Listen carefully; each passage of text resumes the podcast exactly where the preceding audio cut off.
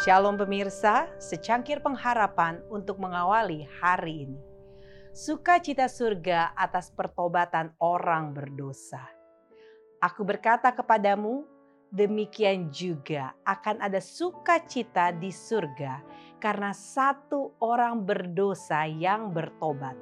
Lebih daripada sukacita karena 99 orang benar yang tidak memerlukan pertobatan. Lukas 15 ayat 7. Surga penuh dengan sukacita. Itu bergema dengan pujian kepada Dia yang membuat pengorbanan yang begitu indah untuk penebusan umat manusia. Bukankah seharusnya gereja di bumi penuh dengan pujian? Bukankah seharusnya orang Kristen memberitakan ke seluruh dunia sukacita melayani Kristus?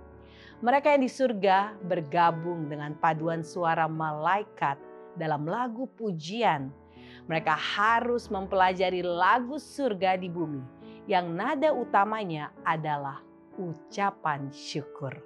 Testimony for the Church jilid 7 halaman 244. Segala sesuatu di surga adalah mulia dan tinggi.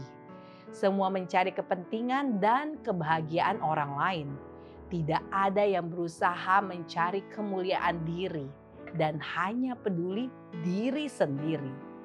Adalah sukacita utama semua makhluk suci untuk menyaksikan sukacita dan kebahagiaan orang-orang di sekitar mereka.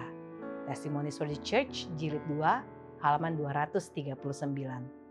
Tidak ada perpecahan, tidak ada perselisihan di sana Semuanya adalah kesehatan, kebahagiaan, dan sukacita. Testimoni for Church jilid 2 halaman 81. Demikianlah renungan kita hari ini. Selalu mulai harimu dengan secangkir pengharapan.